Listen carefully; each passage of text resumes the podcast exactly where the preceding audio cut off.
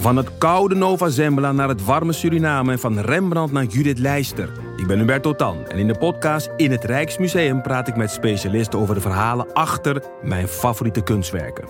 Nieuwsgierig? Beluister nu de nieuwe afleveringen. Kijk, het gesprek begon ogenschijnlijk over het onrecht dat mensen wordt aangedaan als er zo'n vernietigende recensie wordt geschreven.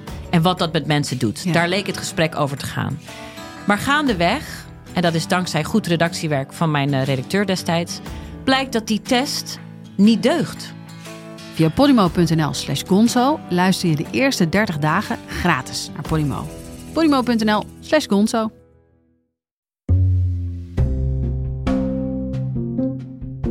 Now it is up to Congress to confront this egregious assault on our democracy. And after this, we're going to walk down, and I'll be there with you. We're going to walk down to the Capitol because you'll never take back our country with weakness. You have to show strength and you have to be strong. Stop the steal! Stop the steal! Stop the steal! Stop the steal! Stop the steal! We respect the law. We were good people. The government did this to us. We were normal, good, law abiding citizens, and you guys did this to us. We want our country back. We are protesting for our freedom right now. That's the difference. this election were overturned by mere allegations from the losing side, our democracy would enter a death spiral. And it will stand in recess until the call of the chair. We'll pause. Protesters are in the building. Thank you. Was a landslide election, and everyone knows it, especially the other side. But you have to go home now. We have to have peace. Welkom bij Radio Amerika, de podcast van de Groene Amsterdammer over de Verenigde Staten in 2021. Elke paar weken voeren we een tweegesprek over de Amerikaanse politiek. Ik ben Rutger van der Roeven, de buitenlandredacteur van de Groene Amsterdammer. En ik bel vanaf onze redactie met onze correspondent in Washington, Casper Thomas. Hi Rutger. Voor de tweede keer in twee maanden zat de hele wereld vorige week aan de televisie gekluisterd. Toen aanhangers van Donald Trump het Capitool in Washington DC bestormden. Een koeppoging die eigenlijk hopeloos was vanaf het begin, maar wel een grote slag voor de Amerikaanse democratie. Vandaag gaan we het hebben over de vraag: betekent dit de doodsteek voor het Trumpisme? Nou, ik ga jou eerst maar even vragen, Casper. Wat is jou het meeste bijgebleven van vorige week? Nou, nou, los van de, de, de dag natuurlijk zelf dat dit gebeurde, gaan mijn gedachten meteen uit naar twee dagen later, eh 8 januari, waarop de Republikeinse Partij een partijbijeenkomst had, waarbij allerlei lokale fracties van de staat eigenlijk bij elkaar kwamen. En dat, dat, dat stond gewoon gepland. Dat was geen reactie op de gebeurtenissen van 6 januari. De New York Times tekende dit ook op. Er was geen enkel besef, eigenlijk leek er op dat moment in die partij te zijn ingedaald, dat de aanval op het Capitool eh, daadwerkelijk was uitgelokt door Trump. Eh, op het moment dat Trump inbelde, werd hij ook met applaus ontvangen door de Republican National Convention, zoals de partij dan heet. Ehm, en de mensen zeiden van, eh, nou, het is eh, belangrijk dat Trump een rol blijft spelen in de partij als stemmentrekker. Dus het hele idee van een soort, een soort afstand nemen of afrekening of schrikreactie op, op Trump en het feit dat, dat zijn retoriek toch echt aanleiding heeft gegeven voor een aanval op het hart van de Amerikaanse democratie, dat leek niet echt bij de partij te zijn ingedaald. Nee, nou ja, laten we, laten we hopen dat dat, eh, dat gaat komen. Maar ik, eh, ik, ik zou er mijn geld niet op, eh, op inzetten. En, maar wat geldt voor jou dan? Wat is, wat, wat, wa- waar denk jij nu nog aan in, in, in de nasleep van die gebeurtenis? Nou, ik, ik moet wel vooral denken aan die, eh, het waren toch vooral, vooral mannen die dat kapitool binnenbraken en, eh, en, en zich naar binnen vochten met eh, de slogan USA op de lippen, met die vlaggen dat zij democratie gingen beschermen, dat ze de grondwet gingen beschermen. De, de ongelofelijke tegenstelling die daaruit spreekt, die krijg ik maar niet uit mijn hoofd. Het waren toch ongelofelijke beelden. Ik heb het zitten kijken wel... ehm, werd gaandeweg een beetje een anticlimax toen de politie gewoon ging wachten totdat eh, de aanvallers avondeten gingen halen. Maar dat vond ik toch wel het meest bizarre eigenlijk aan de hele dag. En tegelijkertijd ook een, echt een heel Amerikaans verschijnsel. Het idee dat je een patriot bent, dat je je- land moet verdedigen tegen eh, vijanden van binnen- en buitenland. Het zit ook in de eten die de president zweert natuurlijk. Dus het idee dat er een soort eigenlijk permanent moet worden gevochten of worden beschermd, dat is natuurlijk iets wat wel eigenlijk heel diep aan die Amerikaanse cultuur zit. Veel meer dan in ieder geval bij ons bijvoorbeeld. Dit onderwerp zat zo in mijn hoofd dat ik er een, eh, een, een stuk over wilde schrijven. Uh, een boek waar ik het het meeste aan bleek te hebben, dat is een boek wat, uh, wat al in 2004 was geschreven in de eerste editie. In, in 2012 daarna een tweede editie, dus het is, ligt nog redelijk op ons. Maar dat is van Anatol Lieven, America Right or Wrong, An Anatomy of American Nationalism. Daar wilde ik je toch even over bijpraten. Ik wat, uh, wat, wat Lieven heel goed laat zien, vond ik in dat boek, is dat hij schrijft: wij, denken aan, bij Amerikaans nationalisme aan één ding. Uh, maar eigenlijk praten die Amerikanen over twee verschillende dingen.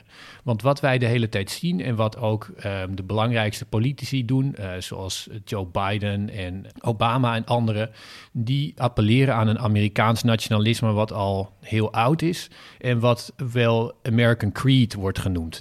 De Amerikaanse geloofsbeleidenis. En dat is dat je gelooft in individuele vrijheid en dat je gelooft in de, in de, de rol van de, van de wet en um, in democratie als het hart van Amerika. En ook dat je uh, gelooft in de, in de speciale missie die de Verenigde Staten heeft. En dat is eigenlijk een optimistisch idee. En dat kijkt vooruit naar een toekomst die beter gaat worden. Um, en dat is ook een, uh, maar omdat het ook een idee is, kan iedereen dat idee omarmen. En dat American Creed is voor heel veel mensen vanzelfsprekend Amerikaans nationalisme. Maar hij laat in dat boek zien dat dat eigenlijk, dat, dat die hoopvolle visie het meest omarmd wordt door mensen die de afgelopen decennia het ook beter hebben gekregen en die reden hebben om te geloven dat de toekomst beter wordt. En mensen die in de afgelopen decennia reden hebben gekregen om te geloven dat hun toekomst slechter wordt, die zijn steeds meer een visie op nationalisme en op patriotisme gaan omarmen, die eigenlijk zegt dat de grootheid van de Verenigde Staten in het verleden ligt en ook teruggrijpt op een een etnische en religieuze visie die daarbij hoort, namelijk christendom heeft primaat, witte Amerikanen hebben primaat. En iemand die hen um, uitzicht geeft op de, op de macht houden en cultureel primaat houden, die geeft hen een, een uiting aan patriotisme die eigenlijk vijandig is aan die uh, Amerikaanse geloofsbeleidenis. En even, denk je daarom dat het daarom, dat is ook wat mensen misschien hoorden toen ze Make America Great Again uh, hoorden. Bedoel, again verwijst natuurlijk echt naar het verleden. Dus is, dat is dan het soort verleden waar, wat, waar, Trump voor die, voor die kiezersgroep aan heeft geappelleerd. Ook uh, Bill, Bill Crystal kwam ook in dat boek voorbij. Dat is een van de, van de vaders, zoals hij wordt genoemd, van het neoconservatisme. Die beschreef ook, die zei, nationalisme, dat appelleert aan de grootheid van de natie en kijkt vooruit. Patriotisme is trots op het verleden en kijkt terug. En voor deze mensen valt eigenlijk samen hun idee dat Amerika als, als natie in het verleden beter was en dat, dat zij zelf, hun groep, het in het verleden beter had. En daarmee vallen die twee dingen samen in een, in een patriotisme. En daar komt ook dat, dat gevoel vandaan wat jij net noemde dat dat moet worden teruggenomen. Dat dat, dat dat van ze is afgenomen. Niet alleen uh, dat het hun primaat, maar ook hun patriotisme, hun identiteit is hun afgenomen. En dat kan dus worden, worden veroverd. Als je dit ook zo opnoemt, ik, dan gaan mentaal alle, eigenlijk alle interviews door mijn hoofd die ik de afgelopen jaren heb af, afgenomen. En als je ook over nadenkt, de enige mensen die zich echt tooien met dat, met dat etiket patriot. Dat zijn inderdaad, de, dat is echt de, de, die, die, die harde uh, Trump-aanhang, die harde kern daarvan. Uh, dus het is een, soort begrip of een soort een, een geuzennaam. Het is natuurlijk om de historisch Nederlandse equivalenten tegenaan te gooien. Dat, dat wordt geclaimd door inderdaad die hele specifieke groep. Uh, en die zijn, worden op die manier ook aangesproken door Trump en, en, en een deel van de Republikeinse Partij natuurlijk.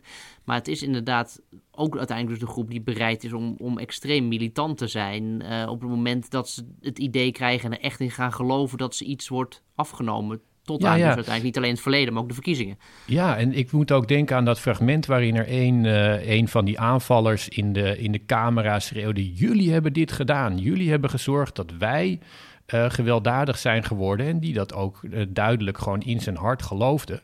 En de, en, de oorzaak van, van het geweld wat hij zelf daar... Um, aan de dag legde, legde bij anderen. En dat gevoel van, dat, van, die, van gekrenktheid en dat gestolen land, dat zit in dat nationalisme. Dat appelleert ook aan sommige andere vormen van nationalisme, met name in het Amerikaanse zuiden. Um, waar ook een, een link is aan dat ja, dat, dat soort etnische en religieuze identiteit die afgenomen is en aan die, en aan die zaak van, van dat zuiden wat, wat ook verdwenen is en verloren heeft. Nou ja, dat klopt. Dus dat is niet de eerste keer dat dit dan, dan, dan opspeelt. Je, je zag ook dat uh, sommige van die aanvallers op het kapitool, die, die liepen daar rond met een, een vlag van de Geconfedereerde Staten.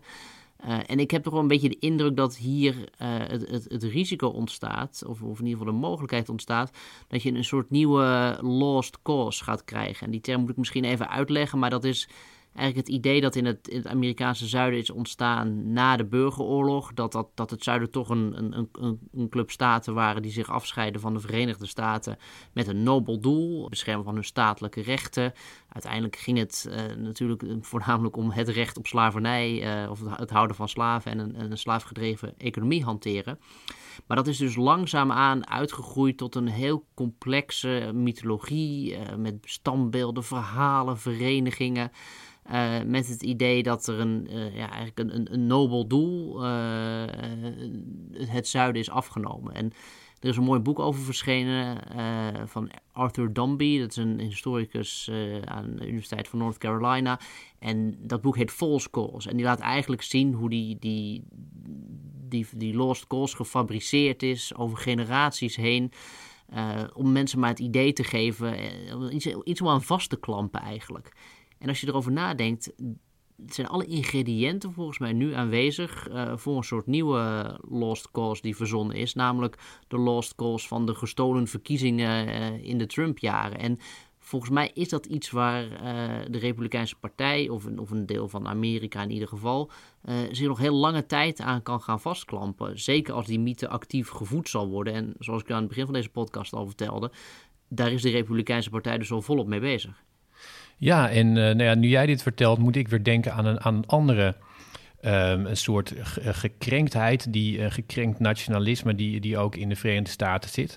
Een van de, van de boeken waar ik ook op stuitte toen ik dit artikel schreef, dat was uh, een van Walter Russell Mead. Die heeft in 2001, is een historicus, die heeft in 2001 een boek geschreven over de Amerikaanse politiek. En die beschreef daarin vier uh, belangrijkste tradities in de Amerikaanse politiek. En die beschreef hij aan de hand van vier presidenten. En hij schreef, nou, je hebt de principiële Thomas Jefferson, idealistische Woodrow Wilson, uh, je hebt een machtsdenker en Alexander Hamilton, maar uh, die zijn allemaal eigenlijk wel een beetje bekend, zei hij. Hij wilde vooral met zijn boek wilde die Andrew Jackson naar boven halen. Dat was een uh, volkse populist, die was um, in de jaren 30 van de 19e eeuw president. En hij was een oud krijgsgevangen. Hij was op zijn dertiende krijgsgevangen genomen door de Britten samen met zijn oudere broer. Hij, was toen, uh, nou ja, hij had toen onder andere pokken gekregen in krijgsgevangenschap en was mishandeld. Uh, zijn broer was later uh, doodgegaan kort na de vrijlating aan, aan de pokken. Maar hij was een hele, ja, had daar een, een, een echte verbitterdheid, verbitterd nationalisme aan overgehouden. Um, had dat onder andere op de, de Native Americans uitge... Um, had hij, had hij bevochten en uh, had hij dat een uitlaatklep gegeven. Maar hij was ook een, een slavenhouder, hij was xenofoob en hij was ontzettend conservatief. En Walter Russell Mead schreef dat in 2001, maar toen Trump aan de macht kwam, toen werd, uh, dat, werd dat schabloon van, van Andrew Jackson werd door Steve Bannon uh, werd, werd eigenlijk geleend en op Trump geplakt. En Trump die vond, dat een, uh, die vond het eigenlijk fantastisch. Die was heel erg gecharmeerd daarvan. En die begon zich te spiegelen aan, uh, aan Jackson. Hij heeft zijn, uh, zijn schilderij boven zijn, toen in het Witte Huis boven zijn bureau gehangen. En Jackson kreeg veel meer statuur en aandacht dan hij, dan hij in, heel lang heeft gehad. En als, als een verpersoonlijking van wat Trump is en wat hij ook dan eigenlijk wilde zijn als een soort spiegel. Nou, dan krijgen we um, nu ja, krijgen we dan, dan wel een beetje de, dat als, als hier dan nu toch een soort streep onder wordt gezet. Ik bedoel, het is nog een, een open vraag natuurlijk die we de komende tijd gaan zien. In hoeverre het Trumpisme uh, door zoiets extreems als de bestorming van het kapitool een, een, slag is toegebracht. Maar hebben, hebben we ook een soort frame waar we, waar we Biden in kunnen plaatsen uh, vanaf uh, nou ja, volgende week dus? Ik denk dat als we, ik denk dat Walt Russell Meet hem een, een Jeffersonian zou noemen. Iemand die, ja, die principieel is, maar tegelijkertijd ook een beetje glibberig. Niet al te principieel in de zin van dat hij daar de Verenigde Staten of, uh, of zijn eigen politieke toekomst mee in de vingers zal snijden, maar wel iemand die dat zou doen. En en, die ook heel erg de visie wil uitdragen van die Amerikaanse principes in zijn eigen persoon. Dus ik denk dat, uh, ja, dat hij hem in die traditie zou, uh, zou plaatsen. Ja, er ligt natuurlijk ook wel een hele interessante ruimte nu eigenlijk voor Biden om, om iets van het presidentschap te maken. Hè. Kijk, behalve het feit dat er nu een, een, dankzij de twee senaatzetels die ze in Georgia gewonnen hebben, toch de mogelijkheid is om, om eigenlijk bijna zonder de Republikeinen een heleboel beleidsbeslissingen door te voeren. Denk ik ook omdat in de ogen van veel Amerikanen en ook een deel van de eigen partij natuurlijk het, het republikeinisme van, van Trump aan legitimiteit heeft verloren, omdat het uiteindelijk leidt tot een opstand tegen de eigen democratie. Dat legitimeert Biden natuurlijk denk ik op een bepaalde manier om, uh, om solistischer op te treden, om, om, om meer te doen, om verder te gaan. En uh, om, om een voorbeeld te noemen, een van de dingen die, en dat hangt ook nou samen met de aanval op het Capitool, uh, is bijvoorbeeld het, toekennen van statelijke rechten aan, aan DC, de, de, de staat die uiteindelijk mijn woonplaats is. Die qua inwoneraantal groter is dan een tweetal andere Amerikaanse staten. Ehm, maar geen eigen senatoren mag leveren, bijvoorbeeld. En, en daar zit toch wel veel sagrijn over. En dit is bijvoorbeeld het moment dat zo'n zo'n wild plan of, of, of, vergaande verandering in de, in de constitutie van de Verenigde Staten de ruimte krijgt om, om, om doorgevoerd te worden, denk ik. Ik denk dat in ieder geval zal het debat erover ontstaan. Al was het maar ook omdat het beschermen van het kapitool en het beschermen van de stad tegen, tegen aanvallers, iets wat dus blijkbaar nodig is in Amerika, dat gaat heel slecht op het moment dat DC geen eigen staat is en geen eigen National Guard heeft om over te beschikken. Dus dit is even een klein voorbeeld wat ik mij wil geven van, van, van een soort Biden-presidentschap dat vleugels zou kunnen krijgen, juist omdat het zich afzet tegen een, een hele extreme gebeurtenis in de geschiedenis van de Verenigde Staten. Ja, ik, ik denk dat je, dat je gelijk kan hebben hoor. Maar ik denk, ik denk ook dat dat uiteindelijk weer terugkomt bij de polarisatie in de Verenigde Staten. Kijk, Biden die heeft nu de mogelijkheid om, uh, om, om solistischer op te treden. Hij heeft die ruimte gekregen nu hij uh, uh, de twee senaatzetels erbij heeft van Georgia. En eh, wat je zegt, misschien is het ook zo dat in de. dat deze, deze aanval op het kapitool hem meer ruimte geeft om zich te, te profileren. Ik denk wel dat het zo is dat dit, uh, je refereerde er al in het begin van de, van de podcast aan.